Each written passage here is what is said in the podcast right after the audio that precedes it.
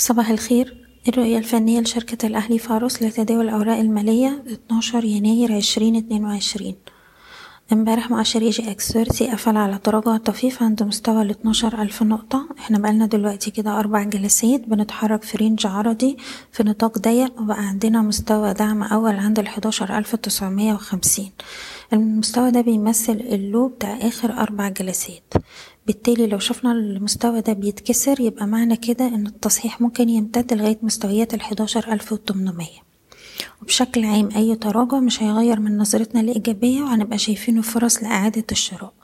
أقرب مستوى دعم عندنا عند ألف وسبعين واختراق المستوى ده هيبقى عندنا مستهدف أول عند ميتين وخمسين ويليه مستوى ألف وخمسمية.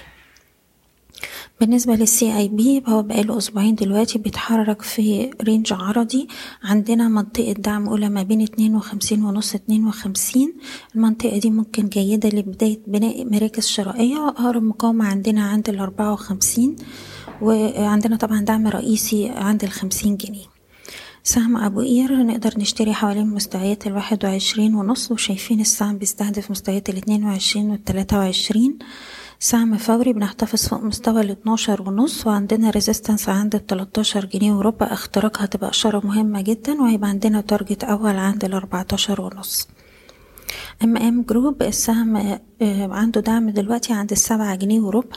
نقدر نرفع مستوى حماية الأرباح بتاعنا للناس اللي شارية السهم عند السبعة وربع وشايفين السهم بيستهدف مستوى التمانية جنيه وتلاتين قرش. أخيرا سهم رماس امبارح كان في ارتفاع بأحجام تداول عالية. السهم عنده دعم عند الواحد وسبعين قرش. بنحتفظ طول ما إحنا فوق المستوى ده وطول ما إحنا فوق شايفين السهم يستهدف مستويات الاتنين وتمانين قرش ثم الستة وتمانين قرش. بشكركم بتمنى لكم التوفيق.